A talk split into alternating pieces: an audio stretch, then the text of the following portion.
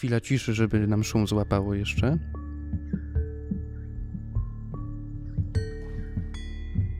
I zaczynamy. Ten program nazywa się Spotkania Pięknych Dusz, a ja nazywam się Tadeusz Marek i zapraszam na kolejną przechadzkę. A cóż to za chichy? Słucham szumu, bo jesteśmy w teatrze moim ukochanym, Tak. starym na sali Modrzejewskiej i powiedziałeś, mogę panu mówić ty, Naturalnie. smarkaczu. Dobra. Bo ty mógłbyś moim być wnukiem, nie? Yy, Ile ty masz lat? 23 chyba tak. Ja mam 69, to spoko. 20, 69 minus 23 to? No, no. Ja mam też problemy. Ja nie mam żadnych. Nie, no to ile? No dlaczego mam takie, na takie pytania odpowiadać? To ty jesteś studentem. Tak, tak, ja wiem. No nieważne, ale no mógłbym 49 i jeszcze 3 jak odejmiesz od tego, to jest 46 lat różnicy, kochanie. No. Tak. także bądź grzeczny. Postaram babcia, się. Wiesz, Będzie gonić? Nie powiedział to od razu na początku mówi, że będę ci ty mówić, dlatego że się będę myliła.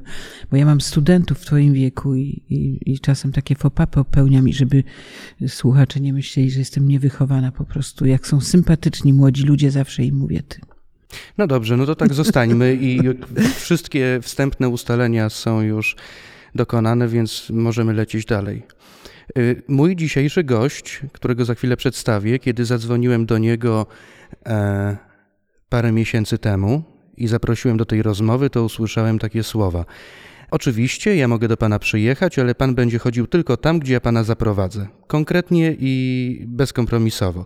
E, Ale y, y, ja tak zawsze powtarzam, że te nasze spotkania e, to są takie właśnie wędrówki po krainie kreślonej słowem, a pani będzie taką naszą przewodniczką dzisiaj, więc myślę, że y, to chyba taki punkt, y, od którego można zacząć i można wędrować gdzieś, gdzie, no zobaczymy jak będzie.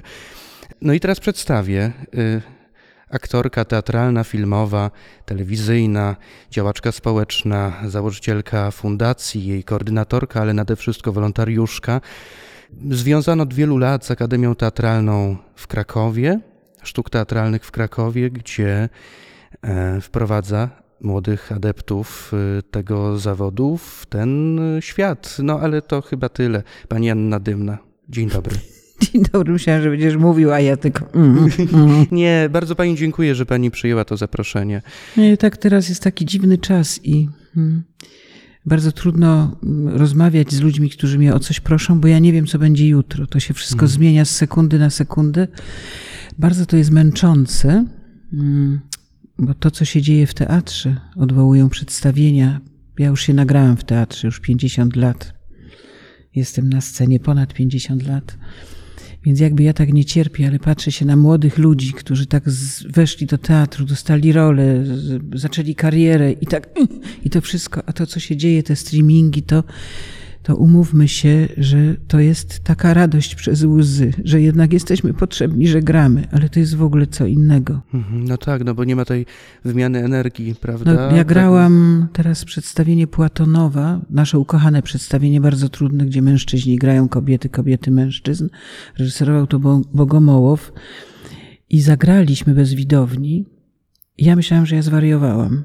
Ja nie wiedziałam, że ja jestem takie zwierzę, że tak jakbym nie żyła się czułam, bo jakby tak jakby jakaś martwota była przed nami i myśmy grali z taką energią, jakąś wymuszoną. Ja w ogóle nie wiedziałam, gdzie ja jestem. Patrzyłam na kolegów i myśmy tak z jednej strony z taką miłością i radością, że wreszcie jesteśmy razem, przemazali nas tam wszyscy negatywni, gramy. Ale tak graliśmy właściwie na pograniczu chyba jakiejś rozpaczy, że jak to będzie tak dalej, to to nie ma sensu. A z drugiej strony, no przecież też uczymy studentów online. No to jest dopiero trudne, prawda? W Trzeba przypadku- znajdywać w każdej przymusowej sytuacji, Mhm. bo to jest sytuacja przymusowa, trzeba znajdywać dobre strony. Oczywiście. I tak teraz już drugi semestr uczę online i mimo, że w tym roku jest dużo trudniej, bo ja tych ludzi w ogóle nie znam, widziałam ich dwa razy. Dwa, dwa zajęcia mieliśmy takie w oczy. E, To jest bardzo trudne, jak się nie zna. W tamtym roku ja już ich znałam, więc mogłam sobie wymyślić system, czego by tu się nauczyć, jak się nie patrzymy sobie w oczy, nie? E, No i sobie i robi się fantastyczne rzeczy z nimi, ale mnie jest ich żal, bo ja już sobie popatrzyłam ludziom w oczy i, i wiem, jaką to ma siłę, a oni są, no, ale mówię im, że jest super, bo mam taki obyczaj, że mówię jest super, super. I to jest tak, że teraz tak, ludzie mają różne inicjatywy, dzwonią w ostatniej chwili, yy, proszą cię, ja cały czas coś nagrywam, już czasami się za to nie lubię, bo tak stoję przed kamerą i coś mówię. A problem jest ze, z tą wędrówką słów w tej chwili, dlatego że ja jeszcze pamiętam, jak zakładałam fundację, zaczęłam prowadzić programy, spotkajmy się. To było dokładnie około 20 lat temu. Nie? Ja fundację w 2003 roku założyłam. Mam festiwal zaczarowanej piosenki, piszę mnóstwo scenariuszy na koncerty. I ja nie miałam z tym nigdy problemów, bo mam ludzi w takiej, a nie innej sytuacji. Znam ich potrzeby. Wiem, o czym marzą. Wiem, czego im brakuje w życiu. I te scenariusze mi się same pisały. Używałam najprostszych słów. Miłość, przyjaźń, nie? Mhm. Chcę być potrzebny. I to się samo pisało. Te słowa zostały wszystkie zdewaluowane. Przez ostatnie lata i teraz mi się chce wyć, bo ja coś piszę, co ma służyć czemuś bardzo dobremu, żeby komuś niby życie ratować, żeby dać mu siłę. A słyszę gdzieś tam płynie skądś to te same słowa używane do czegoś obrzydliwego, do jakiejś nienawiści. Nawet jeżeli człowiek nie chce się zajmować polityką, to wiadomo, że coś się bardzo złego stało w tej przestrzeni publicznej, że słowa nadużywane padają lawinami i zabijają prawdziwy sens tych słów i zabierają nam nasze świętości zabierają, przepraszam, i to we wszystkich dziedzinach życia się to odbywa. I ja po prostu już czasem szłam dzisiaj właśnie, żeby z Tobą rozmawiać. I pomyślałam sobie, że tak prawdę powiedziawszy, ja bym najchętniej milczała. Mnie się już, znaczy ja mi się chcę mówić, przygotowuję teraz program bardzo chorymi ludźmi. I mimo, że jest taka choroba stygmatyzująca, i mówiła mi pani organizatorka od konferencji o tej chorobie, że chyba się nikt nie zgodzi, to się w ciągu jednej godziny zgodziło 20 osób, że chcą ze mną rozmawiać, bo ludzie są coraz bardziej samotni, a oni potrzebują tych prostych słów. I teraz ja ich używam, one mi więzną w gardle. Słyszę, że Dymna znowu pieprzy jakieś farmazony, romantyczka, naiwna, a ja nie jestem naiwną romantyczką. Ja tylko wiem, jak te słowa nam są potrzebne i jak one są już w tej chwili zbezczeszczone. Ten problem y, dewaluacji słów, on się pojawił nawet w naszych rozmowach telefonicznych. I ja przed, ten, przed tym naszym spotkaniem dzisiejszym myślałem sobie nad tym. I Zastanawiam się, to nie będzie łatwe pytanie, tak mi się wydaje, ale pani jest chyba jedną z najwłaściwszych osób, y, którym można to pytanie zadać. W tym świecie, w którym słowa, a nie tylko te szlachetne, ale także i te, które są uważane powszechnie za obelżywe, mowa w ogóle, uległa dewaluacji, to y, w jaki sposób y, te słowa ocalać? Ja znam sposoby. No więc właśnie, po pierwsze, to?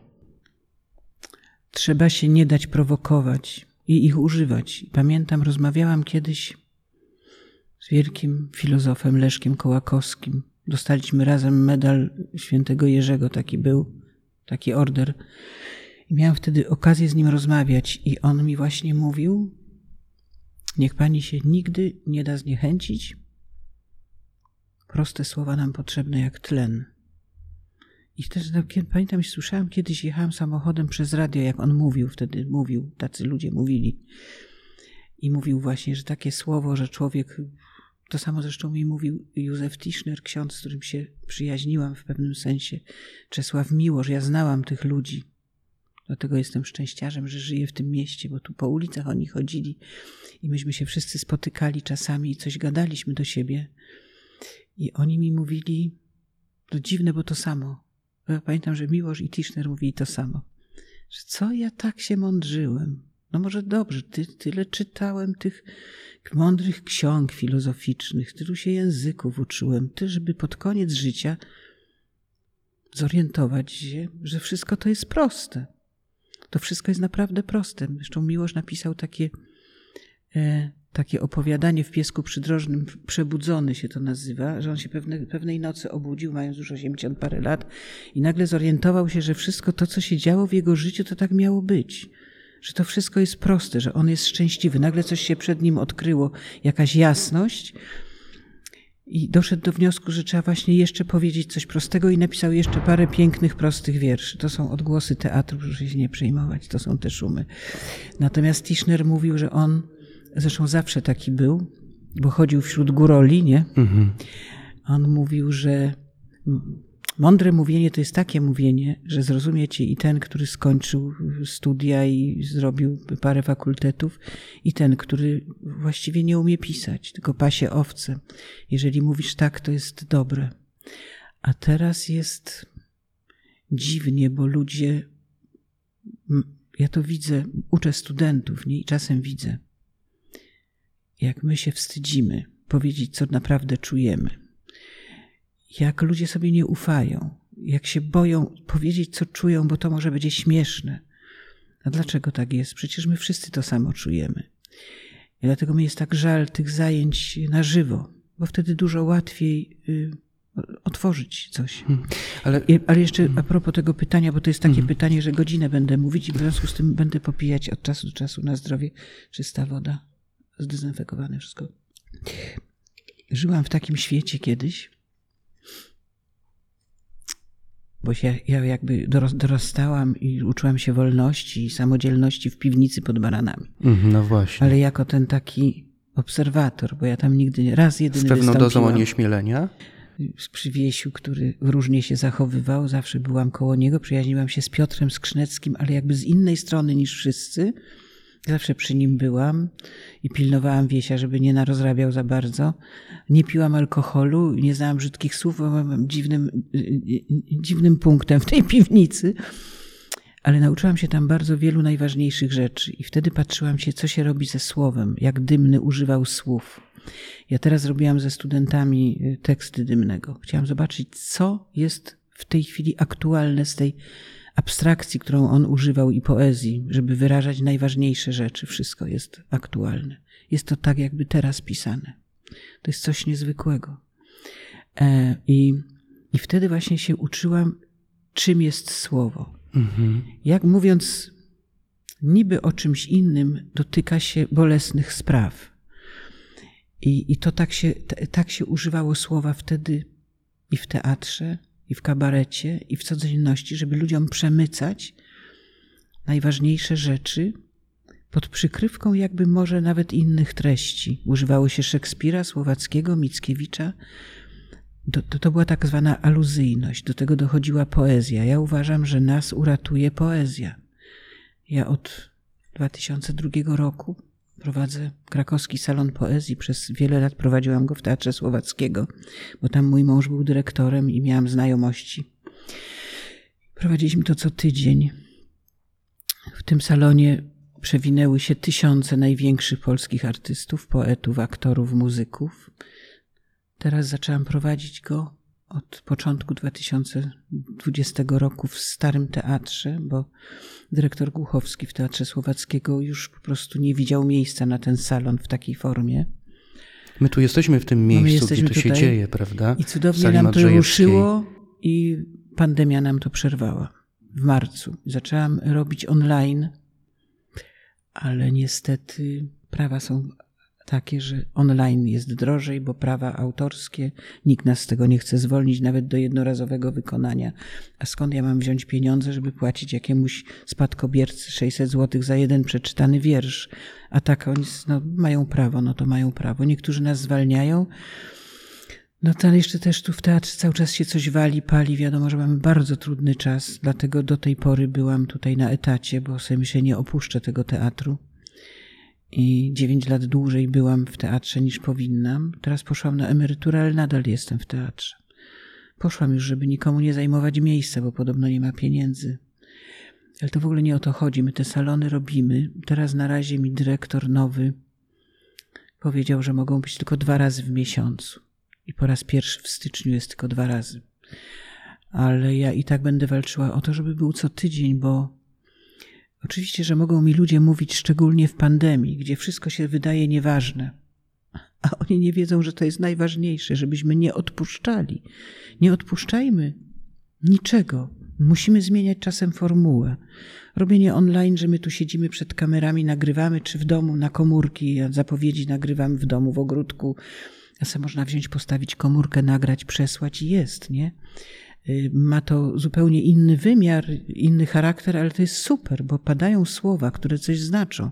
Ja uważam, że Bóg wiedział, co robi, jak stwarzał poetów, że oni jednak, te ich słowa są źródłem takiej siły, poza tym są źródłem hmm. dla ludzi takiej energii, która mówi: Nie jesteś sam. Ja takie same problemy miałem tysiąc lat temu, pięćset lat temu, w innej epoce. Jesteśmy ludźmi, nie jesteś z tym sam. Poczytaj sobie, nie dam ci odpowiedzi. To jest też kwestia percepcji, prawda? Nietzsche tak powiedział, że jest tyle rzeczy między niebem a ziemią, które, o którym tylko poetom coś nie coś raczej się śniło. Znaczy straszne czasy przyszły, że my tak nie szanujemy słowa. I to nie polega na tym, że ktoś powie kurwa i że to to jest skandal. Ja żyłam w dziwnych czasach, kiedy z takich słów które są ogólnie uznane za obrzydliwe i ten. Na przykład Kazimierz Kuc, jak z nami pracował, używał takich słów, ale on je podniósł do rangi czystej poezji.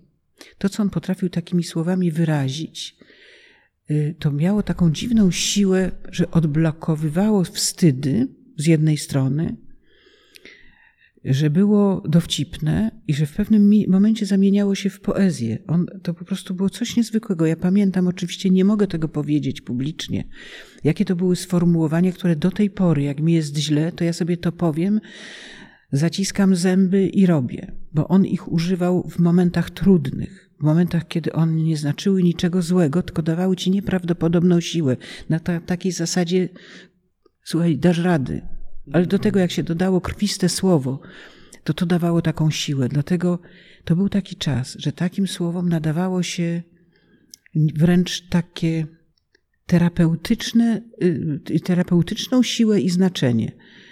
No i teraz na pewno ktoś się okropnie oburza, że ja to mówię. A to jest prawda. Jak ja mam na przykład... Dlaczego ktoś się ma oburzać? No bo ludzie tak to się jest kwestia traktują. świadomości słowa a, jednak. A, a, ale wtedy się słowa kocham cię, dziękuję, proszę, ludzie sobie ufali bardziej, funkcjonowały. A teraz żyjemy w czasach, że ze słów kocham cię, ojczyzna, miłość, zaufanie robi się najobrzydliwsze słowa świata. Ja tego nie rozumiem. Dlaczego, dlaczego, dlatego młodzi ludzie się może tego czasem wstydzą, bo one by chciały kogoś kochać, ale zostały strasznie zranione. I, I, dlatego, dlatego coś się w słowach pomieszało. I ja uważam, że mnie ratuje to, że jestem aktorką, że wchodzę na scenę i mówię słowa, które napisał ktoś kiedyś, i ja wiem po co je napisał, wiem czemu one mają służyć. Jakkolwiek no w teatrze wiadomo, że też się używa innych słów. Ja nawet gram czasem w takich przedstawieniach, ale dokładnie wiem, czemu one służą, jak służą czemuś dobremu, to ja wiem, że teraz są takie czasy, że żeby dotarło do ludzi znaczenie mojego uczucia, to trzeba takich słów używać, bo one już weszły. Hmm. Ale wie pani, to jest opowieść o, e, no właśnie, o jakiejś takiej, jeśli można to nazwać, trochę patetycznie może, ale. Hmm, apologii słowa, o napełnianiu treścią tych słów, które wypowiadane dzisiaj, takie jak miłość, takie jak prawda, takie jak dobro, e, budzą jakiś pobłażliwy uśmiech niejednokrotnie i przyczyniają się do oskarżenia o egzaltację chociażby. Ja wiem właśnie, ale i to straszne, straszne jest to, że mm, to są takie czasy, ja nie mówię kto to robi, bo to robią ludzie z lewej, z prawej, ze środka, nie? Że zabiera nam się takie przestrzenie, w których ja miałam poczucie bezpieczeństwa. Jakie to były przestrzenie? No dla mnie na przykład, to pamiętam jak byłam małą dziewczynką, to był kościół na przykład, nie? Mama zawsze mówiła, że człowiek jest dobry, a jak pójdziesz sobie do kościółka i tam sobie popatrzysz, sobie pomyślisz o tym, co dobrego zrobiłaś, co złego, y, jakby ci było źle, to sobie tam pójdź, albo sobie pójdź do lasu i sobie pomyśl, jaki świat jest piękny. Ja byłam tak uczona Boga, nie? I wiary, że to wszystko ma taki sens, że, że jak będziesz kochać drugiego człowieka, to zobacz, tam Bozia to jest w jego oczach. Moja mama takie fajne rzeczy mi mówiła, jak byłam mała, ja to wszystko pamiętam.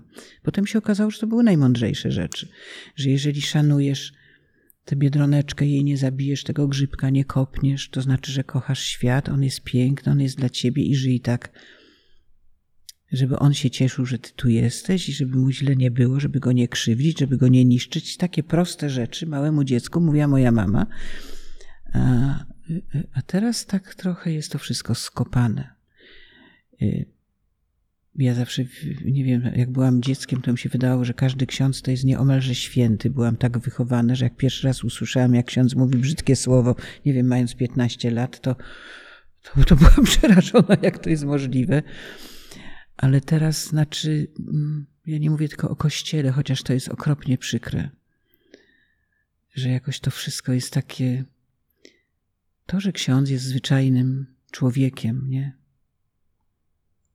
Że czasem czegoś nie wytrzymuje, nie dotrzymuje słowa, łamie jakąś przysięgę.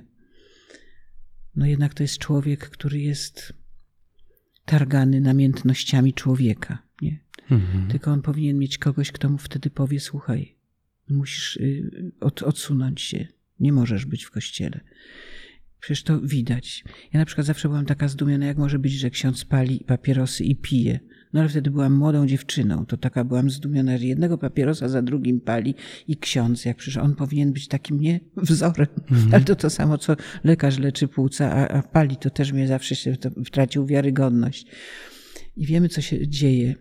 Strasznie mi jest żal tej przestrzeni, bo ona właśnie we wszystkich czasach, na przykład w czasach komuny, tego wszystkiego, jednak Kościół był taką oazą e, czegoś dobrego, czegoś, że człowiek tam szedł po nadzieję. A teraz zajął się rzeczami, które może nie do niego należą. Ja tego się na tym nie znam, ale ja wiem o tym, że mi się chce płakać. Jak idę do kościoła i słyszę, jak ksiądz krzyczy i jak nienawidzi czasem, z jaką nienawiścią, to wyć mi się chce i wychodzę. Bo gdzie, ja wiem w związku tym, że... z powyższym, Co? gdzie w związku z powyższym pani w tym momencie znajduje swoje przestrzenie bezpieczeństwa? Przestrzenie bezpieczeństwa zawsze miałam w teatrze na scenie. Miałam takie szczęście, że pracowałam w tym teatrze całe życie z największymi, z największymi reżyserami, artystami, aktorami, scenografami. I wchodziłam w taki wirtualny świat który wymagał ogromnych emocji, wysiłku. No, zostawiłam tu połowę mojego zdrowia, jak i nie więcej. Ale dawał mi takie nieprawdopodobne poczucie bezpieczeństwa. To był mój bezpieczny świat. Nawet jak musiałam na tej scenie biegać z siekierą, mordować, czy grać jakąś alkoholiczkę, czy żebraczkę, czy królową, wszystko jedno. Ale to był mój bezpieczny świat. I jeszcze na dodatek tutaj się czułam kochana. A jak człowiek się czuje kochany i potrzebny, to jest szczęśliwy. Ja to teraz wiem, bo przecież założyłam fundację dla ludzi, którzy się nie czują ani kochani, ani potrzebni i umierali szybko. A teraz mają warsztaty terapeutyczne, ktoś się nimi zajmuje. I ja mam podopiecznych, którzy mają 60 lat, a kiedyś umierali w wieku 30 paru. Ja się zajmuję niepełnosprawnymi osobami intelektualnie przede wszystkim. Ale poznałam też różnych innych ludzi i ja tutaj się czułam zawsze potrzebna. Dlatego to mi dawało tak ogromną siłę. A poza tym, no, szukam tego poczucia bezpieczeństwa wśród przyjaciół. Ja, mm, że, tak jak są takie mądre słowa, że żyj tak, żeby sobie zasłużyć na przyjaciół. To wtedy będziesz szczęśliwy i w najgorszych momentach nie zostaniesz sam.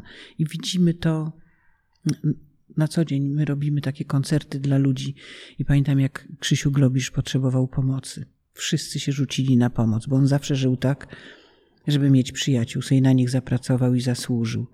I żyje, funkcjonuje, jest co prawda po udarze, i ten, ale to nie ma żadnego znaczenia. Także poczucia bezpieczeństwa szukam, no przede wszystkim się szuka go w domu, prawda? No tak, ale właśnie wie pani, ja przed tą y, rozmową kołatała mi się w głowie taka refleksja związana z tym, że pani pytana o źródło tej siły potężnej, którą ma Pani w sobie i która sprawia, że y, żyje pani na 100%, jeśli chodzi o wykorzystanie czasu, działania i tak. Pani zawsze mówi, że ja tę siłę związaną z pomaganiem, z aktywnością, z rozmową z ludźmi, czerpię ze swojego dzieciństwa, bo ja naprawdę miałam dobre dzieciństwo. I pierwsze pytanie, które przychodzi mi do głowy zawsze, kiedy pani wypowiada te słowa, e, jest związane z tym, mm, co powiedziałaby pani tym, którzy nie mieli takiego szczęścia jak pani, jeśli idzie o mm, o to ciepło, o to w domu, co, co, co wlewa w człowieka wartości, co wlewa w człowieka, no dobro, chyba tak trzeba powiedzieć. Y, gdzie wówczas poszukiwać tej siły? To jest za trudne pytanie, dlatego że z jednej strony, że u mnie w domu nie było pieniędzy, to był problem. Czasem nie było co jeść, ale to przez to, że miałam takich rodziców, jak miałam, to to było taką prowokacją do tego, żeby coś fajnego robić. No, moja mama, jak miała jedno jajko i mąki trochę, to potrafiła zrobić sto potraw. To, co myśmy robiły, ja się jako dziecko tego uczyłam i do tej pory mi taki stosunek do tego został. Więc oni mi dawali poczucie bezpieczeństwa, coś mi się wydaje, że i takie poczucie, że ja jestem dla nich ważna i że mnie kochają. Mhm. E a z drugiej strony, i to, i to jest źródło mojej siły rzeczywiście. Ja nie wiem, dlaczego to tak jest, że gdzieś tak koło czterdziestki, między trzydziestką a czterdziestką zaczynasz często wracać do wspomnień z dzieciństwa, bo tak gdzieś do 30 roku życia, jak tak pędzisz przez życie i budujesz siebie naokoło, zakładasz rodzinę, to nie masz na to czasu. Nie wiedząc o tym, że źródłem siły było to, co tam e, zrobiłeś. I takie poczucie, że jesteś potrzebny na, na ziemi, że ktoś cię kocha, a teraz tak, prowadzę rozmowy z chorymi ludźmi i w wielu wypadkach, na przykład astmy zwyczajnej, czasem się okazuje, że astma to jest krzyk niechcianego dziecka. Co mi powiedziała kiedyś pani doktor, jedna z się, co ona do mnie mówi. I potem mam taką dziewczynę i tak z nią rozmawiam, potworna astma, taka, co to się umiera. I, I się okazuje, że ona rzeczywiście była niechcianym dzieckiem i zawsze słyszała, kurde, gdyby nie ty, to ja bym miała inne życie, nie? Czyli co się dzieje z dzieckiem, na przykład, które teraz prowadziłam rozmowę z dziewczyną chorą na schizofrenię. Ona już jest dorosła i nie wiem, co mi się stało. Zapytałam się jej o wspomnienia z dzieciństwa. I ona mi nagle, jaki, jakie uczucie pamiętasz z dzieciństwa? Ona mi powiedziała, tak strach okropny, ale nie, nie, wakacje u babci. Bo przez telefon była rozmowa, bo to w covid już mhm. rozmawiałam. Ja mówię, ale powiedz o tym strachu, jaki strach? Raz jedyny jakiś pan mówi, zaprowadzisz mnie do mamusi, ona tam miała 8 lat czy ileś i wciągnął ją do piwnicy i ją macał. Ona nic więcej nie pamięta. Ona to kryła w sobie, wypierała, to nikomu nie mówiła. Mama wiedziała, ale była u lekarza, nic się nie stało. Wszyscy to, jak to się dzieje, że to w niej tkwi?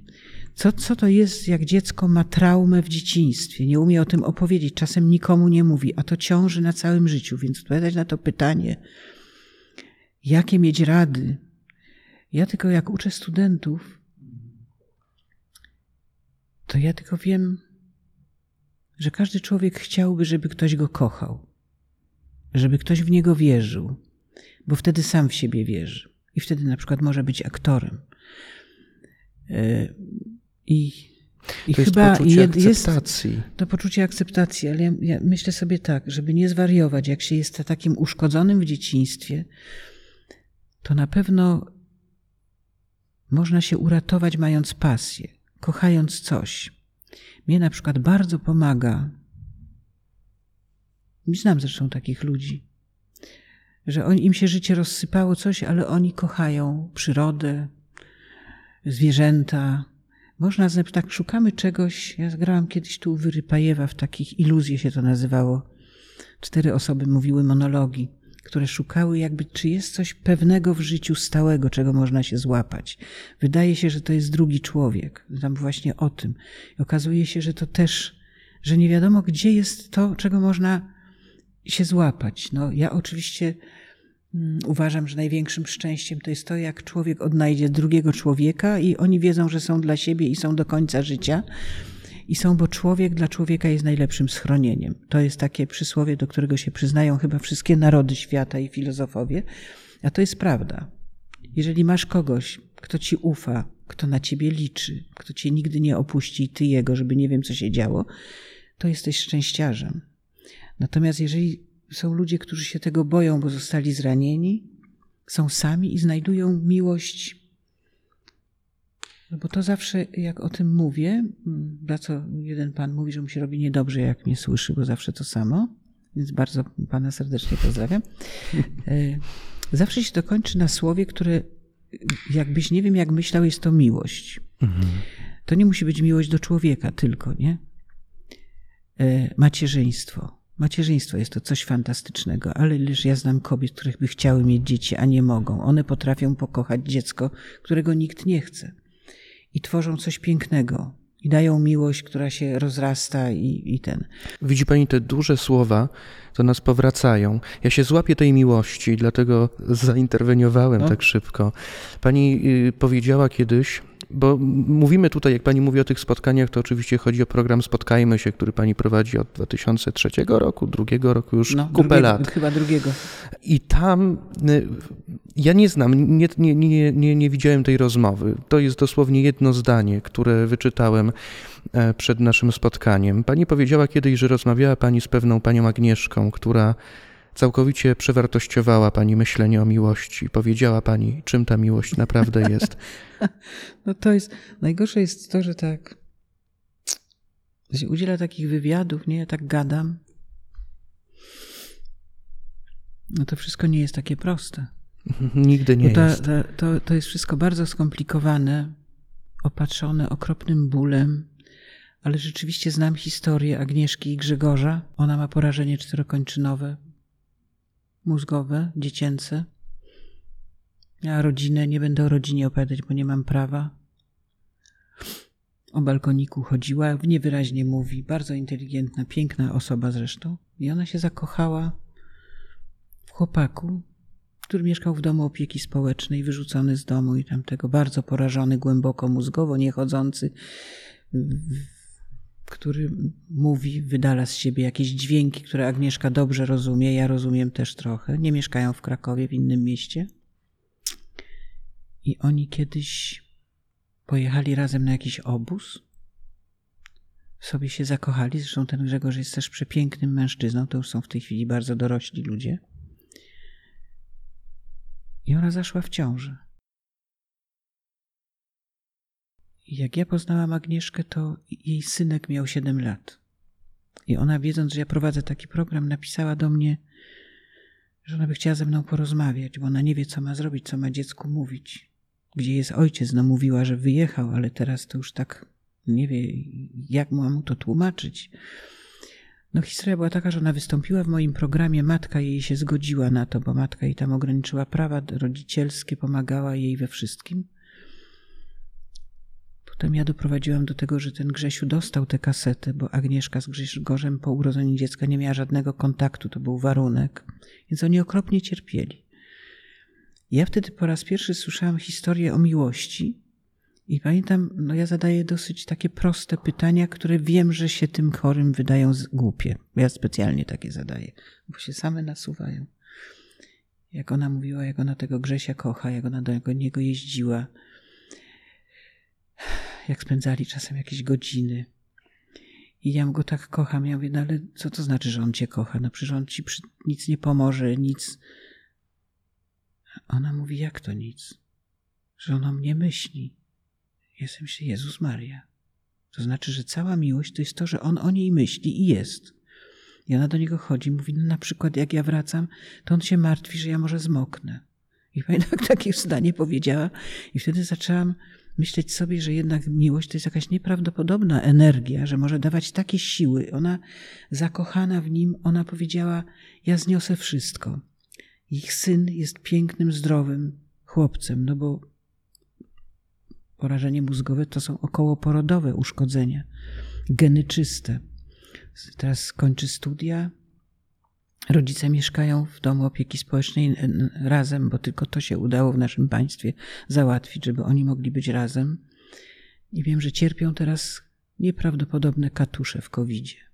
DPS-y są pozamykane, oni są z, jakby w więzieniu żyją. Ja i wiem, że to jest, to jest okropnie trudna miłość, ale to jest miłość. Jak ja rozmawiam z tymi ludźmi, to oni mi opowiadają rzeczy, których ja żaden mózg tego nie ogarnie, chyba. Uczucia, zawsze się usiłuje wczuć w sytuację tych ludzi. Teraz czytałam przez parę dni książkę Janusza Świtaja, słynnego człowieka, który w 93 roku, przed 18, przed swoją osiemnastką, tu już miał wypadek motorowy, jest całkowicie sparaliżowany do tej pory, oddycha przez respirator. On wywołał wielką dyskusję o zaprzestaniu uporczywej terapii, jak niektórzy mówią o eutanazji, bo on pewnego dnia wystąpił do sądu z żądaniem, że on żąda prawa do przestania uporczywej terapii. To prawo zresztą obowiązuje na całym świecie. Z tego prawa chyba skorzystał nawet Jan Paweł II, że nie podłączali go do. Bo dopóki człowiek jest świadomy, może powiedzieć: Bardzo proszę, jak będę się dusić, nie podłączać mnie do respiratora. I to prawo musi być może być egzekwowane i musi być spełnione. Natomiast jeżeli stracisz przytomność i podłączają cię do respiratora, bo nie mogą z tobą porozmawiać, ratują ci życie, a potem ty budzisz się i mówisz, proszę mnie odłączyć, to to już jest eutanazja. To są bardzo cienkie granice takie. No i Janusz, ja teraz czytam tę książkę i powiem szczerze, że czytam ją z pozycji jakby jego matki trochę, że niektóre rzeczy, które czytam, są nie do pojęcia dla człowieka takiego jak ja. Tak samo pisałam wstęp na przykład do książki o SLA, to jest stwardnienie boczne zanikowe, zanik genu ruchu, gdzie ten człowiek już w tej chwili, on mieszka w Hamburgu, jest śpiewakiem operowym, pisał książkę oczami, tak, na komputerze i poprosił mnie, żebym ja napisała do niej wstęp. Ja zgłupiałam. Co ja mogę wiedzieć o tym, nie? I pamiętam, że wtedy położyłam się na ziemi i usiłowałam niczym nie ruszać. Mimo, że ja oddycham, on sam nie oddycha, sam nie sika, sam nie je, on nic. On jest jedną maszyną, która ma super precyzyjny, dowcipny mózg. Myśli tak jak my i widzi. I czuje, jak go pies liże po ręce. Tak mi pisał Ania, jestem szczęśliwy, nie pisałem parę miesięcy, miałem zapalenie płuc, ale żyję, ale jestem najszczęśliwszym człowiekiem świata. Widzę Joasię, moją żonę, moje dzieci i czuję, jak mi pies liże po ręce. Ja sam myślę, i to jest największe szczęście świata że widzisz coś, a my narzekamy na wszystko. Dlatego ja mam takie, tu jestem w świecie ludzi pięknych, zdolnych, kurde, sprawnych. Jak siedzi mi czasem studentka, Jezu, jak mi nudno, Boże, jak mnie boli coś, to sobie chyba zaraz zabiję, bo przed chwilą miałam nagranie z człowiekiem, który niczym nie rusza i mówi, że jest szczęśliwy, nie? Mhm. Pojęcie szczęścia, miłości, jest po prostu tak, jak, jak jeszcze weszłam w ten świat takich ludzi, których my nie znamy, nie? My, nie, my się nie chcemy wczuwać w ich sytuację, bo to nas za bardzo boli. Jak niektórzy mówią, ja jestem za wrażliwa, ja bym tak nie potrafiła. No więc być może, że ja jestem niewrażliwa, tego nie wiem, ale okupuję to ciężko, bo to nie ma tak, że się. Ja pamiętam, jak po jednym programie stwardnieniu guzowatym, pamiętam, była taka śliczna dziewczyna to, są, to jest taka okropna choroba, nieważne, te guzy się później zamieniają w, często w takiego raka jakiegoś jasno, jasnokomórkowego, czy coś miała w nerkach i czekała na przeszczep. Jednej nerki już nie miała na drugi. Ja pamiętam po tym nagraniu, gdzieś po dwóch dniach wróciłam do Krakowa, bo to w Warszawie nagrywam, pod Warszawą. I tak strasznie mnie bolała nerka, sem się, Jezus Maria, coś mnie tego, poszłam do lekarza, za wariatkę robiłam, się okazało, że to nie moja nerka mnie bolała, tylko tej dziewczynki. Bo to się, jak się tak rozmawia, mhm. to to się udziela na chwilę. Ja żartuję trochę, ale jest coś takiego, że się bierze. Ja po każdych rozmowach z tymi ludźmi, to z jednej strony jestem radośniejsza, co jest nielogiczne, ale ja sobie zdaję po każdej takiej rozmowie sprawę z tego, jaka ja jestem szczęśliwa, że mam 69 lat. Jeszcze chodzę, mimo że teraz jestem na blokadzie, bo miałam jakiś atak rwy kulszowej, czy ja nie wiem, jak się to dziadostwo nazywa. I tak się wkręcę dlatego, nie? Mhm. Ale ja jestem szczęściarą i te, po prostu te rozmowy z tymi ludźmi, oni mi dają tyle siły, tyle radości, ale też mi dają taką dziwną wiedzę, z którą w ogóle nie wiadomo, co zrobić, że taki mój świat się tak rozszerzył. Nie? Że my tak myślimy, że jest tak, jak my czujemy. Guzik, prawda? Tak samo jak się jeździ po świecie, nie? Jakie to jest cudowne, że jedziesz do Kambodży, widzisz tam nędzę, o jakiej w ogóle nie masz pojęcia i widzisz najpiękniejsze, uśmiechnięte kobiety z tymi dziećmi i z tym i sobie myślisz, Jezus Maria, o co to chodzi? To my mamy domy, mamy wodę, mamy wszystko. Ja widziałem, jak oni mieszkają w tych domkach, łodziach na, na wodzie. Jezus Maria, to jest coś niezwykłego. I tak samo, jak podróżujesz w głąb różnych ludzi, y, tych nawet, którzy chorują, to też jakoś tak nagle ci jest że właściwie ty jesteś szczęściarz. Wie pani, ja nie wiem, jak to się dzieje. Może to będzie frazy, jakieś uproszczenie, znowu piękne, egzaltowane zdanie, ale często tak jest, że właśnie spotykając się a to z ludźmi ubogimi, a to z ludźmi, którym trudno ze względu na ich zdrowie, widzimy i czujemy jakiś taki blask, który bije od środka, nie? I ja takie mam wrażenie, że pani mówi o tych studentkach siedzących, niezadowolonych. Ale takich mało jest. To czasem... kiedyś taka jedna była, tylko bo to, żeby nie było, że na stu studenci są kochani. Ale zmierzam do czegoś innego, do tego, że czasem tego w środku brak. I wzruszyło mnie bardzo, jak dawno temu oglądałem taką rozmowę z panią, w której pani powiedziała, że zdarza się tak, że spotyka się pani z tymi studentami i ci studenci mówią, pani profesor, pani, ja czuję pierwszy raz, że pani, że ktoś naprawdę ze mną rozmawia. Ale to, czy to nawet nie czuję, to, to jest. Wie pan, że co piąte dziecko w Polsce już ma kłopoty psychiczne. Byłam teraz w takim ośrodku. Hmm. I to są dzieci nie z rodzin patologicznych tylko. No bo tam może by było łatwiej o to. Właśnie z bardzo bogatych rodzin, dobrze sytuowanych. E, a ja zawsze jak uczę studentów, my w małych grupach uczymy pięcio, sześcioosobowych i ta nauka to trochę na czym innym polega, bo ja muszę tak poznać każdego, każdy jest inny, nie? To są wrażliwi, zdolni ludzie z predyspozycjami, tylko mają w środku cały wszechświat, który jest nieodkryty i trzeba im pomóc tak, żeby uwierzyli w siebie, żeby to odkryli, ten, ten świat. Ja pamiętam, używam bardzo często takiego argumentu, który jest prawdziwy. Ja mówię: Jesteś jedyny taki na świecie. Nie ma takiego drugiego człowieka. Jesteś dzieckiem wszechświata, nie mniej niż drzewa i gwiazdy, masz prawo być tutaj, prawda? Oczywiście, że to gdzieś jest podstawa tego, ale każdy z nich jest całkiem inny. Jeden jest za wrażliwy, nie można go, trzeba uważać, jakie słowo się mówi, bo ci się rozpadnie, bo jest tak wrażliwy. Drugiego trzeba kopać, bo ma to wszystko gdzieś zabetonowane, bo się wstydzi. Trzeba zdobyć ich zaufanie. I my, my na początku rozmawiamy sobie o różnych rzeczach, no bo ja się muszę dowiedzieć, gdzie oni się wychowywali, co przeżyli, żeby ich nie zranić. Bo ja pamiętam, jak raz z moją ukochaną studentką, która teraz jest wielką aktorką, taka była do przodu tego, ja mówię, dobra, hrabala jest takie opowiadanie oczy uroczne, urocze, taki monolog Sarenki, która mówi o tym, jak takie okropne rzeczy, jak się patrzy na ten świat, on tego świata w ogóle nie rozumie. Taki, taki przychodził pan do tej mamusi z takim drzewem na głowie, to jeleń jakiś był, mama ich zostawiała. Jak to okropne opowiadanie, na oczach tego jelonka mamusie zabijają. Zabijają mamusie. I on to tak opowiada, jak takie dziecko, które nie rozumie świata, nie, nie wie, co to jest to czerwone, co płynie z nóżki urwanej braciszka. Takie proste i sobie ona to pięknie powie. Myślałem, że odważna jest, to ten najgorszy fragment jej da mnie. Potem się okazało, że trafiłam kulą w płot bo ona akurat, matka jej umarła i ten. Więc ja teraz nauczona tym, ja myślałam, że ja zwariuję, zresztą ona później mnie prosiła, pani profesor, niech mi pani to zostawi, bo ja sobie odblokuję te traumy tym tekstem. Mówiła go przepięknie.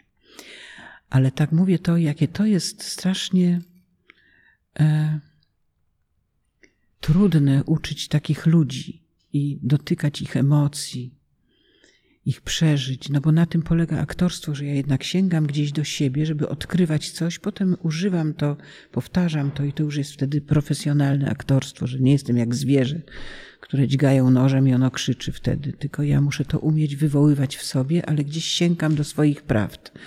I z nimi rozmawiam i pamiętam, tak, tak rozmawiam, a co robiłaś, a co lubiłaś, a kiedy byłaś szczęśliwa, a, a ten, i pamiętam jak dziewczyna mi kiedyś powiedziała, zresztą z bardzo takiego dobrego domu dziewczyna, nagle tak z łzami w oczach mówi, pani profesor, że pani wie, że jest pani z pierwszą osobą w moim życiu, która ze mną naprawdę rozmawia. Zadaje mi pytania i czeka na odpowiedź i jej wysłuchuje. I pamiętam, że zaczęła płakać, dlatego ja to tak pamiętam. I wtedy sobie pomyślałam, Boże Święty, a jak ja bym sobie w życiu poradziła, gdyby nie rozmowy z rodzicami, te gry w Chińczyka przy okrągłym stole. Myśmy mieli taki stół. Gdzieśmy się uczyli wszystkiego, nie?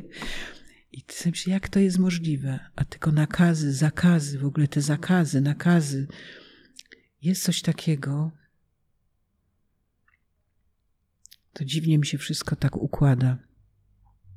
Ja nie wiem, dlaczego się zajmuję ludźmi z niepełnosprawnością intelektualną. Nigdy się nad tym nie zastanawiałam. Ja czuję dlaczego. Bo jak ja ich poznałam, to się ich przestraszyłam, bo nie znałam takich ludzi. Dziwnie się zachowują, nigdy nie wiesz, co zrobią, nie? Tak ci się wydaje. Nie rozumieją, co mówisz.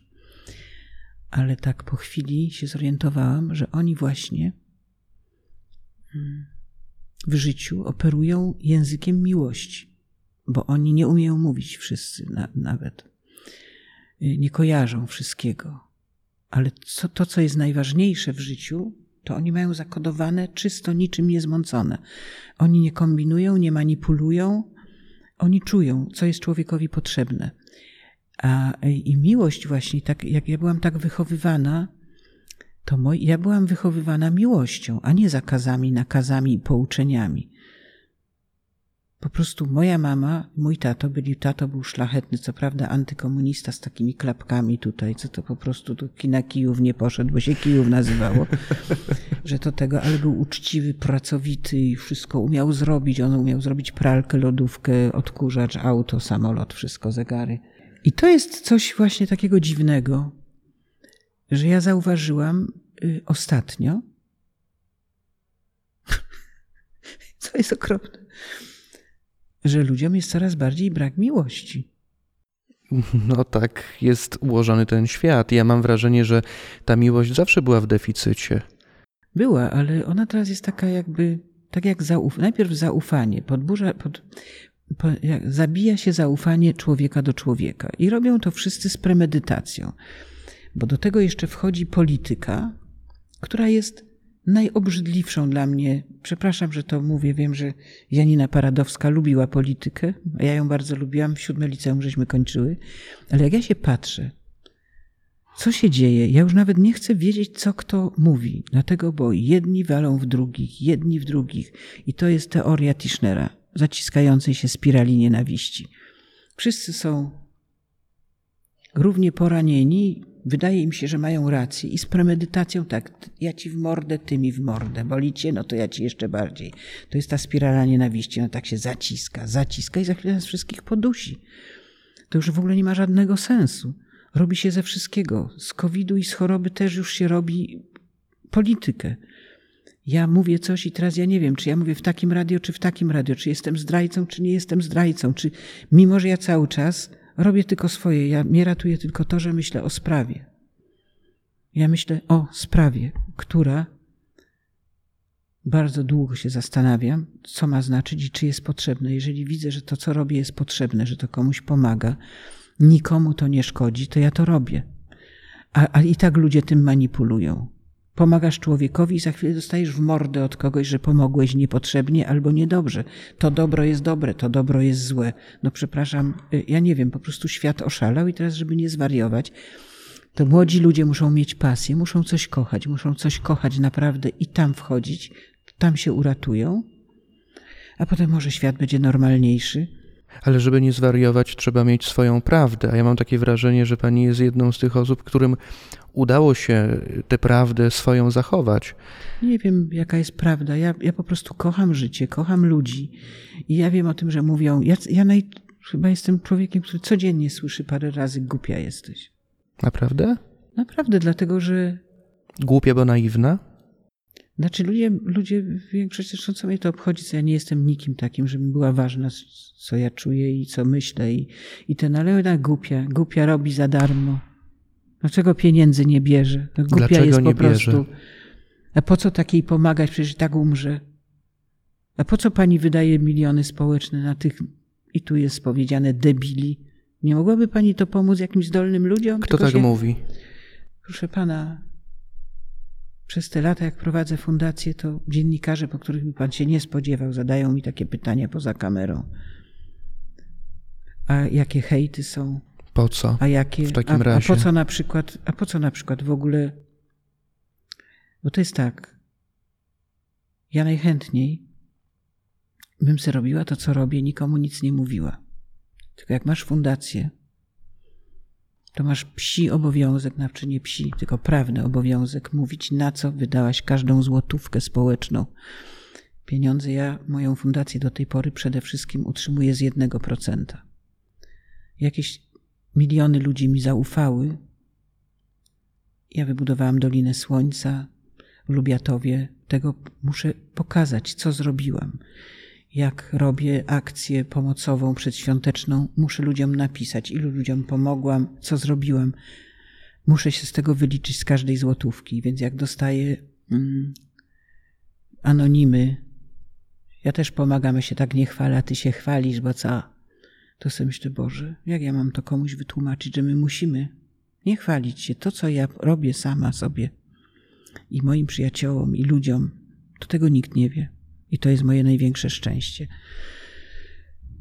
Ale, ale to jest właśnie mm, coś takiego, że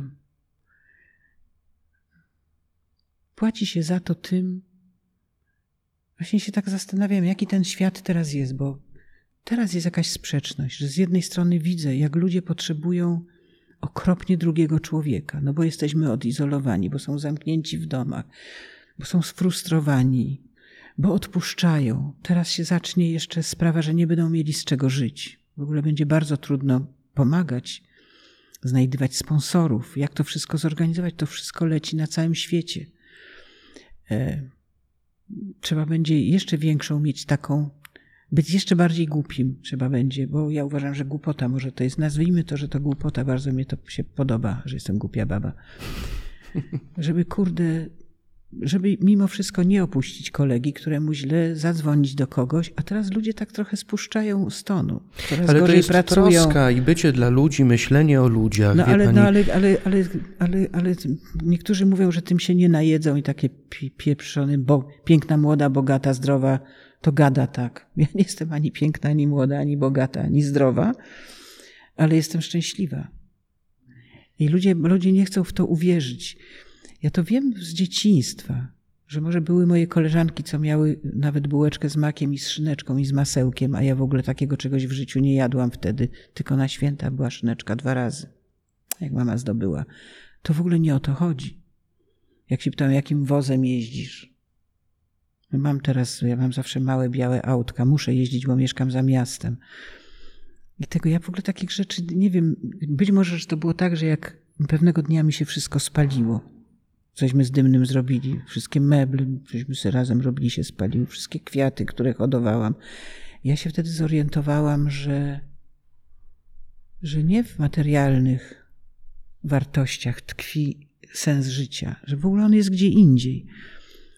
No tylko łatwo to mówić komuś, jak to powiedzieć komuś, kto teraz nie ma gdzie mieszkać i nie ma co jeść. No Ja sobie właśnie. myślę, że ja będę szczęśliwsza, jeżeli ja komuś pomogę znaleźć ciepły kąt i go nakarmię. To jest zdumiewające takie, znowu, znowu ten pan już dawno wymiotuje i nie wiem co robi, no bo to ten, co to jak ja takie pieprze, takie głupoty. Ale jak się mnie pytają, a dlaczego pani pomaga? A dlaczego pani jest wolontariuszką? A czemu pani nie bierze za to pieniędzy? No dlatego, bo za takie rzeczy się nie da brać pieniędzy, ja bym nie miała siły tego robić. A to się dostaje coś takiego, wszyscy wolontariusze, a mam całą rodzinę, bo jestem dymna wolontariuszka, mam swoje dzieci, to mam młodych ludzi starych. Z tych młodych to czasem niektórzy się zapalają, ale potem muszą iść swoją drogą, muszą zadbać o swoje miejsce na ziemi. Ja to rozumiem, więc czasem im troszeczkę to gaśnie. Wiem, że i tak wszyscy wrócą, ale jest coś takiego. Raz komuś pomożesz. Czasem nawet bez wysiłku. Nie wiem, uśmiechniesz się do kogoś, pozbierasz babci, nie wiem, jabłka, co się jej rozsypały na środku ulicy. Spojrzysz w oczy. I ona nagle mówi, oj Boże, jaki ty jesteś kochany chłopcze, jakby nie ty, to przecież by mnie tu auto, Boże, jaki kochany i tam coś tego. I ty to pamiętasz, nie wiedzieć czemu. I za chwileczkę znowu coś komuś zrobić, to jest jak narkotyk. Jak taka zaraza, nie? Ja pamiętam, jak Franciszek papież mówił o tym, że życzy wszystkim zarazy. Takiej zarazy, żeby sobie pomagali. Bo to jest zaraza, która w sposób niezwykły się pleni, jak się daje mu przestrzeń do tego. I mnie to guzik obchodzi, że ktoś mówi, że jestem głupia. No jestem głupia, bo mogłam teraz mieć willę z basenem. Siedziałabym tam, pracowali, a ja mam rwę kulszową, nie mam co z sobą zrobić. Ale ja jestem szczęśliwa. Mogłabym sobie na Wyspy Kanaryjskie. Co mnie to obchodzi? No? Ja mówiłem o tej prawdzie i o tym, to się tak wszystko pięknie łączy, ta opowieść o bliskości, o prawdzie, o teatrze. Pani powiedziała kiedyś tak, że przecież pani mogłaby reklamować e, przyprawy e, i jakieś inne środki, ale e, to przez wzgląd na swoich mistrzów, przez wzgląd na świadomość swojego zawodu pani tego nie czyni. Mogłaby pani wyjechać ze starego teatru do Warszawy, kiedy to tak wiele osób czyniła, pani tutaj została. Później powiedziała pani, że ten teatr co, panią znaczy, ocalił. Wiesz, wiesz co, pan, strasznie mi jest głupio w ogóle to mówić, dlatego że ja to po prostu taka jestem. I teraz jak udzielam wywiadu, to mówię to, co naprawdę czuję. Ale niektórych ludzi to okropnie wkurza. Ale dlaczego? Dlatego ja to kiedyś sprawdziłam na śledziku, śledzik na naszej klasie miałam i zgodziłam się na to y, i robiłam, chciałam zobaczyć, jak ludzie reagują na słowa Znowu nasze i na nasze słów. postawy. I to po prostu sobie wpisałam wtedy trzy wpisy w ciągu dziesięciu minut, żeby nikt nie zdążył tego wyczyścić, bo miałam kogoś, kto największe hejty mi czyścił. I pierwszy wpis był mm, dla, dla, dla, dla kogoś tam porażający, mianowicie, drogi przyjacielu, te dwa słowa to już koniec. Dziękuję Ci, że biegłeś w ekołokatonie na rzecz mojej fundacji. Każdy Twój krok to uśmiech mojego podopiecznego. Pamiętam dokładnie, jak takie napisałam, bo tam trzeba było jeszcze ilość słów musiała się zgadzać. Drugie było, że e, że właśnie za tydzień będzie salon poezji i że tam będzie jakaś tam poezja i że, że fantastycznie aktorzy się zgodzili, więc jestem szczęśliwa, że na pewno znowu przyjdzie tłum ludzi. A trzecie było, że właśnie rano byłam w lesie o czwartej ja w jesieni to wypadam na tego, że mam te mm, rydze i że robię sobie rydze, y, smażę na maśle, potem je zamrażam i w lutym mam świeże, że suszę prawdziwki i że cały dom pachnie. Były trzy takie wpisy. To, co się zaczęło dziać, a ja, nigdy, ja nie jestem na Facebooku, bo bym zwariowała, bo bym na pewno by mnie to wciągnęło jak wszystkich i bym zaczęła żyć życiem wirtualnym, a to nie ma, a wtedy, ja wtedy się przekonałam, co to jest. Była lawina wpisów na pierwszy się od razu pokazało zdanie, którego nie zacytuję, bo nawet Kuc by się chyba zaczerwienił. Ty taka i owaka, ja nie jestem żadnym twoim przyjacielem, ty gruba taka, ty, ja bym ci włożył, ja bym ci coś tam. I było po prostu tego, jak śmiesz w ogóle mnie tak nazywać. No ktoś po prostu samotny prawdopodobnie tego się oburzył, że ja na niego mówię, drogi przyjacielu.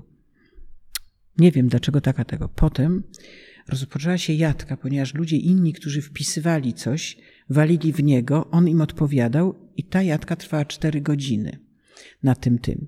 Ja to tego. Potem się patrzyłam na inne, y, na inne wpisy. Y, to było tak, naj, najfajniejsze były na grzyby, y, pozytywne. Ktoś napisał, że mam, mam je w dupie, że, że, że suszę grzyby, a ja mu napisałam, nie musi pan, bo ja mogłam odpisywać wszystkim, mogłam nikomu nie odpisywać ten. Napisałam, że to niech pan tego nie czyta, no to suszę se grzyby, no to se zrobię później do żurku będę miała. Albo do łóżka na wigilię. Potem, potem temu panu, co tak pisał, odpisałam, proszę pana, no... Mm, nie rozumiem pana, że się pan tak zdenerwował, ale jeżeli to bluzganie na mnie sprawia panu ulgę, bo widzę, że ma pan jakiś problem, to się zgadzam. Niech pan sobie bluzga. Ja pracuję w takiej przestrzeni, że znam te wszystkie słowa, nawet lepsze niż pan. Także niech pan sobie bluzga już trudno. Jeżeli to coś dobrego dla pana robi, to proszę, pomogę panu w ten sposób. No to się zaczęło znowu dalej. I tak to trwało No, o salonie było mało.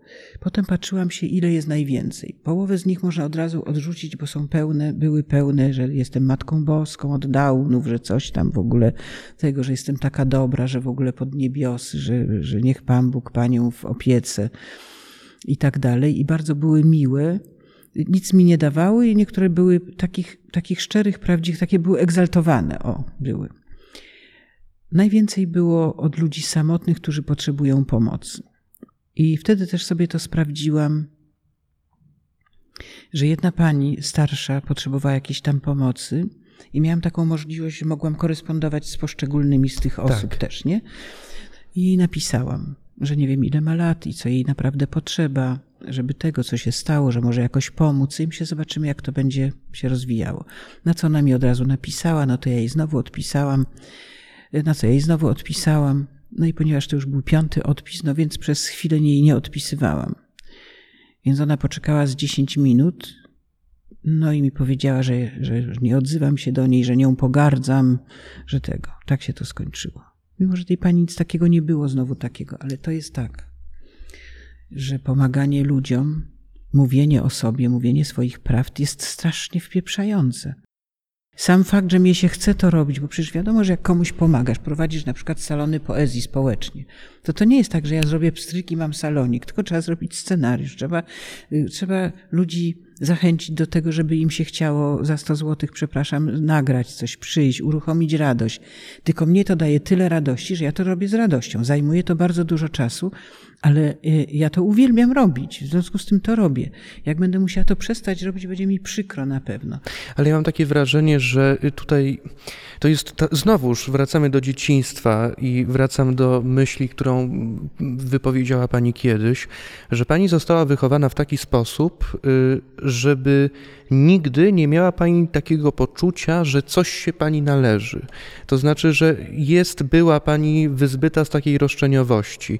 I ja myślę, że robiąc cokolwiek w życiu, my jesteśmy zawsze narażeni na niewdzięczność, nawet jeśli pomagamy. I teraz y, uświadomienie sobie tego, że ja coś robię po to, żeby robić, ja już z samego tego robienia y, znajduję, w, tym, w samym tym robieniu znajduję coś, co mnie uszlachetnia i Nie, sprawia radość. sens i radość. Ale właśnie to jest podstawa. Być może, że właśnie dlatego do tego dzieciństwa się tak często um, zwracam, żeby zrozumieć. Ja w ogóle mam coś takiego, że jak mam jakiś ogromny problem, y, który muszę rozwiązać muszę odpowiedzieć na jakieś pytania, ciągle jestem bombardowana różnymi pytaniami, to ja tak robię.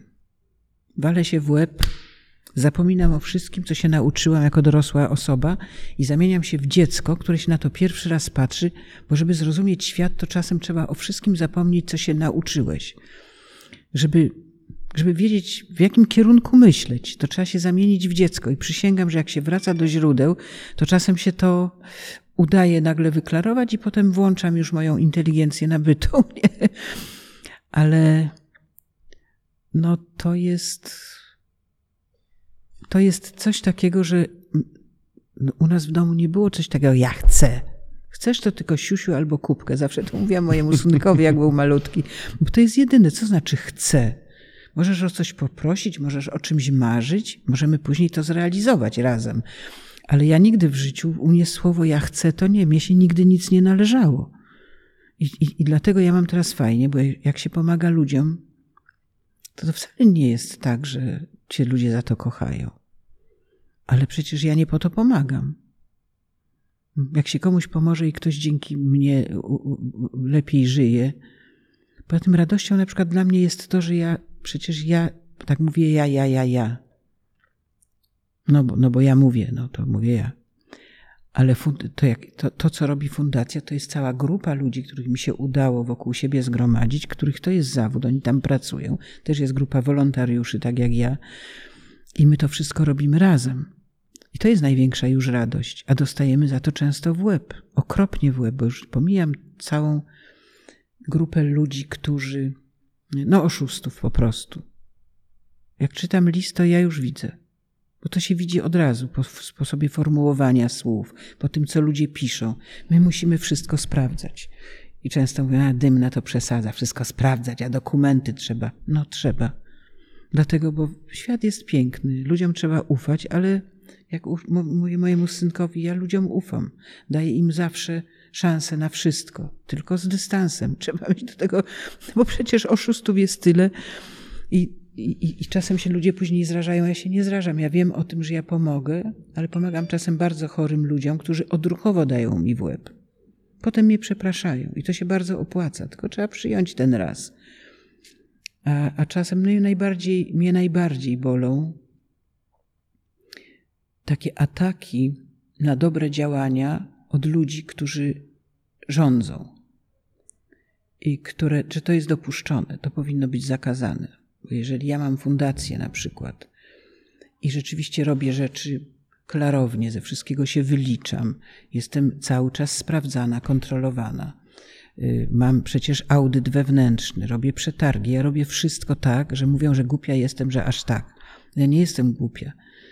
To wtedy ja, właściwie ci, którzy rządzą, bez względu na to, kto rządzi, powinni mnie uznawać za, za przyjaciela. Bo przecież ja nie muszę, nie muszę tego robić. Jestem zwyczajnym obywatelem a ja to robię, to dlaczego? I to bez względu na to, kto rządzi. Zawsze się znajdują tacy, co będą ze mną rywalizować. A po co? Przecież możemy razem coś robić. A w ogóle robić coś razem z władzami to jest ewenement. No. I dlatego to, co ocala, to jest właśnie znajdowanie sensu w samym robieniu, prawda? Bo wtedy to, to wszystko jedyne. jest y, w jakiś sposób łatwiejsze i, i, i trwające, no nie, nie no, zniechęcające. To tylko dzięki temu się nie załamuje, dlatego że to, co się teraz dzieje w naszej rzeczywistości, te wszystkie zawirowania, ta, ta, ta agresja, to, to wszystko, to, to zabija w ludziach chęć pomagania. Dlatego, że jeżeli ja na przykład ratuję życie osobie, kupujemy jej mieszkanie, a teraz dostaję hejt, że komu ty pomagasz, ty się zastanów, a to było 12 lat temu chyba, ratowaliśmy ciężko chorą dziewczynę, ale są jakieś, ataki są absurdalne. To w ogóle, w ogóle jest jakiś dziwny świat. Wczoraj byłam na grobie dymnego i tam na tym grobie, przepraszam, naprawdę ładna pogoda, to jest pod kopcem Kościuszki. Mhm. A teraz jeszcze mój przyjaciel w covid umarł też, więc ja tam często jak mam iść z mężem, wyciągam go na spacer, to idziemy tam i potem sobie idziemy na kopiec. Niedobra trasa, już, już jakoś dobrze mu idzie, ale się męczy strasznie. Bo po covid trzeba chodzić, a to jest, on jest tak osłabiony, że nie wiem. I tyle lat. Ja się tak zastanawiam, o co to chodzi? Tam na tym grobie od, od wielu lat to takie leżały ceramiki, taka żaba, co mi zrobili podopieczni w Lubiatowie Aha. tamtego. A, a ptaszek nasz zaczarowany też mi go zrobili. I tam tego leżały te rzeczy. Choinka taka jest z ptaszkami. I wczoraj przyszłam i oczom nie wierzę. Ktoś to wszystko ukradł. Z tego grobu. Się zastanawiam, jak to biega? Bo przecież to wartości takiej nie miało. Niektóre były rzeczy podpisane. Kot taki był, też wszystko. Nawet taki był, przepraszam, papież takie robią na foto, ta, takie, co, co, co, co światło słoneczne uruchamia coś i papież się tak kiwał, taki mały, ktoś mi go tam dał.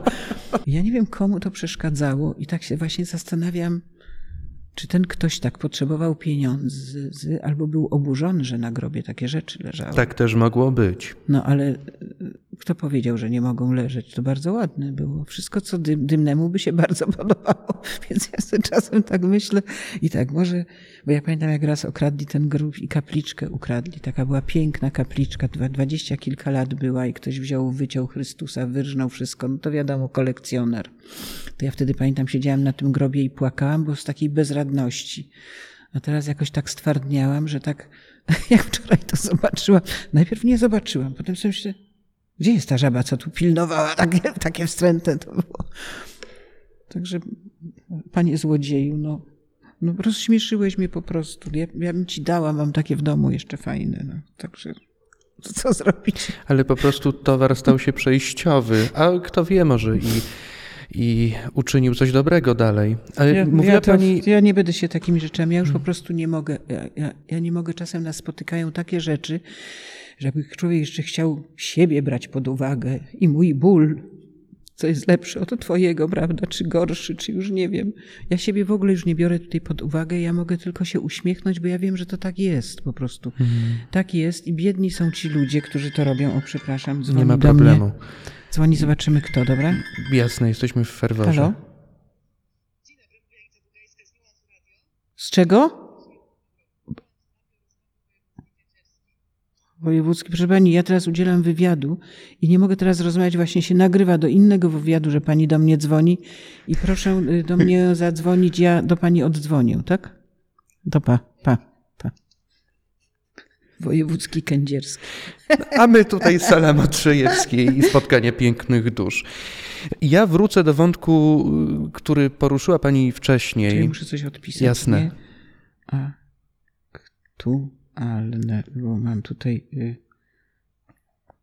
O, już. Przepraszam. Nie Ale my jesteśmy jej, dzisiaj dobra? w ferworze. Tutaj fortepian nam wynoszą, tutaj pani do Warszawy. I tak jest Ale tak ma spokój. być chyba, nie?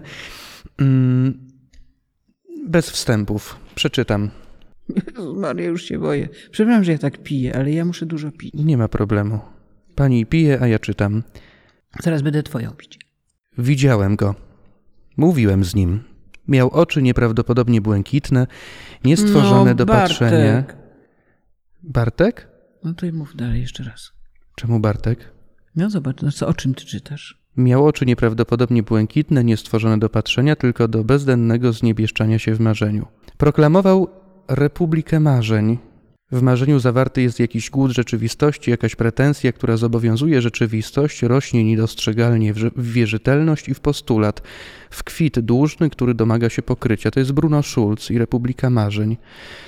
Ja tak sobie pomyślałem, pani mówi o tym dzieciństwie, o powrocie do dzieciństwa, e, do tego takiego bycia y, w tej takiej przestrzeni kreacji i w przestrzeni kreacji słowa, ale też przestrzeni spotkań z ludźmi. I, I dlatego chciałem się zapytać pani o to, czy często bywa pani niebieskooka.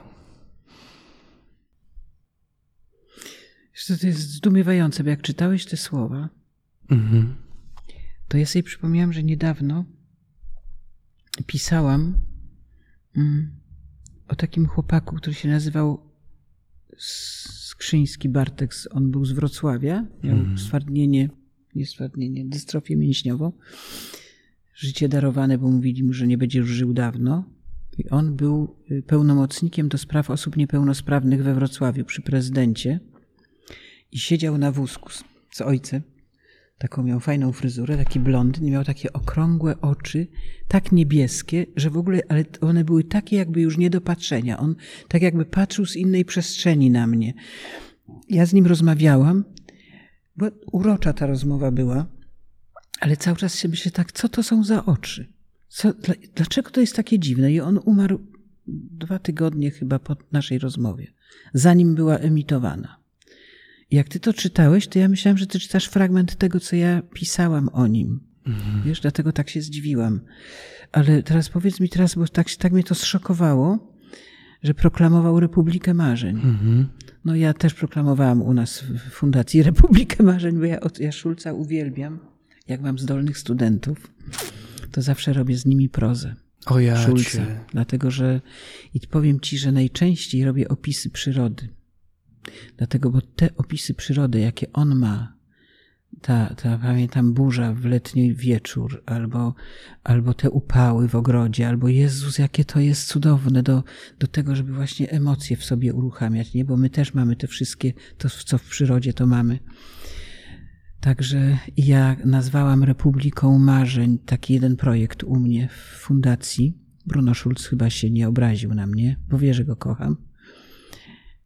On nawet jakby się obraził, to by nie powiedział, bo pewnie bałby się powiedzieć. Ja, ja mm, do tej pory mam ten projekt, tylko już nie mam sponsora, bo się pojawił taki sponsor, co mi z nieba spadł kiedyś i mi przywiózł pieniądze. Dużo pieniędzy, pod warunkiem, że będzie to pomagało w edukacji ludziom, którzy nie mogą się kształcić. Ja wtedy natychmiast uruchomiłam projekt pomagania ludziom niepełnosprawnym. W studiach mam indeks marzeń taki. Do tej pory go przyznaję, ale nie mam pieniędzy już i szukam właśnie sponsorów. Czasem mówią wielkie jakieś tam korporacje, czy coś, się i tak pomagać konkretnie. Ja mówię, no to macie tu konkretnie. Wiesz dokładnie, komu pomagasz, jakie studia, jakie ma wyniki, no ale to średnio na razie idzie. Ale szło fantastycznie. To była moja republika marzeń. Hmm.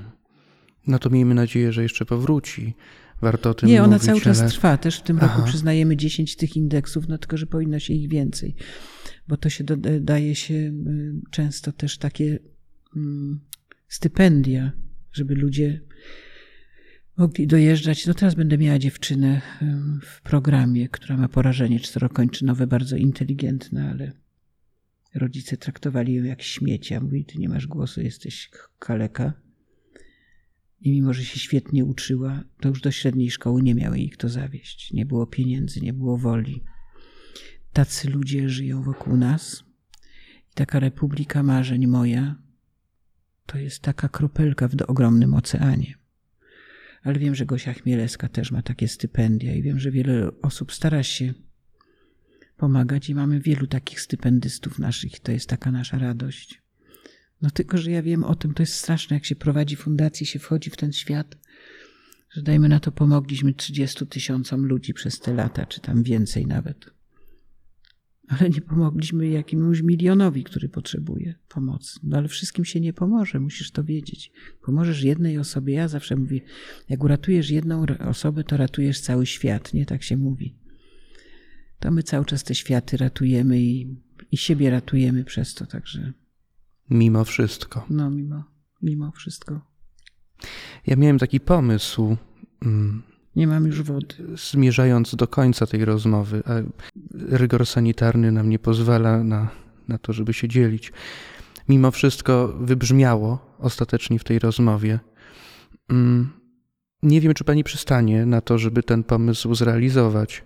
Jak Ale- mi każesz zrobić mostek, to nie dam nie, rady. Szpagat pom- też pomyślałem, dzisiaj, nie? pom- pomyślałem sobie, że. Bo ja przyznam szczerze, że ja poznałem hymn pani fundacji, ten piękny wiersz, dopiero na etapie przygotowań do naszej rozmowy. Pomimo tego, że o fundacji wiem i słyszałem od bardzo wielu lat przecież. I ja uważam, że to jest taki wiersz, który dobrze, żeby wybrzmiał. Daj go. Na koniec. Bardzo Czytam proszę. ci. No wiesz coś, to, to, to mi dały dzieci na rynku. Ten wiersz? Tak, no to ci powiem skąd się to wzięło. Jak miałam założyć Aha. fundację yy, i musiałam to zrobić szybko, nie miałam czasu na zastanowienie, to pierwsza rzecz, kurde, trzeba wymyślić, jak ona się będzie nazywała, logo, wszystko, bo wiedziałam o tym, że to musisz zarejestrować i to musisz mieć. Miałam super dziewczynę y, z ASP, która robiła pracę magisterską i robiła mi wizualizację, ale trzeba było nazwę. No i te nazwy, co to sobie wymyślałam, a to, co mi ludzie dawali, a podaj dłoń, a serce na dłoni miej, a coś tam, sobie myślę, kurde nie.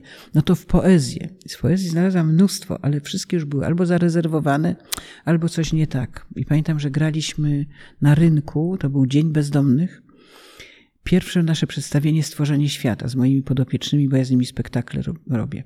Znaczy teraz nie robię, bo mam, bo jestem izolowana. E, No i robiliśmy Stworzenie Świata i zagraliśmy pod ratuszem na scenie dla tych bezdomnych to przedstawienie. I okropnie padał deszcz i było strasznie zimno. I podeszli, ja tak bardzo ja tam się trzęsłam, a moi podopieczni są bardzo karni. Oni wszystko jedno pada, nie pada, trzeba grać, stoją. Oni są pokorni, cierpliwi. Od nich się tego wszystkiego można uczyć. Są cudowni padną, ale nie powiedzą nie, jak, jak trzeba. No i, i podeszli tacy ludzie, a zimno mówią mi, taka, chłopaki takie podeszły. Jedna dziewczyna chyba tam była, ze cztery osoby. Fajny to pani ma, to, to, to przedstawienie. Ja mówię, no ale zimno, no zimno. No pani daje radę. Pan daje, fajnie jest, no. Ale jakby pani kiedyś było ciężko, to wie pani co? Bo to tak, bo, bo pani to fundację założyła. Ja mówię, no właśnie będę zakładać, bo ja się nimi zajmuję. No to nie będzie łatwo. A to dzieci były takie, 15-letnie, 16. Nie wiem zresztą, kto to był. Jak będą mnie słuchać, to może to w ogóle było inaczej. Ale, ale tak było, na rynku. I, mówi, I dali mi kartkę. I mówią, to niech pani to wtedy czyta, będzie pani dobrze, będzie pani wszystko tak, jak ma być, będzie. I ja to czytam i sobie myślę, a gdzież ja szukam nazwy po cholerę? Mimo wszystko. Do wszystkiego mi pasuje, nie? No i to jest tak. Ludzie są nierozumni, nielogiczni i samolubni. Kochaj ich mimo wszystko. Jeśli czynisz dobro, to ludzie oskarżą cię o egoistyczne motywy. Czyń dobro mimo wszystko. Jeśli odnosisz sukcesy, zyskujesz fałszywych przyjaciół i prawdziwych wrogów.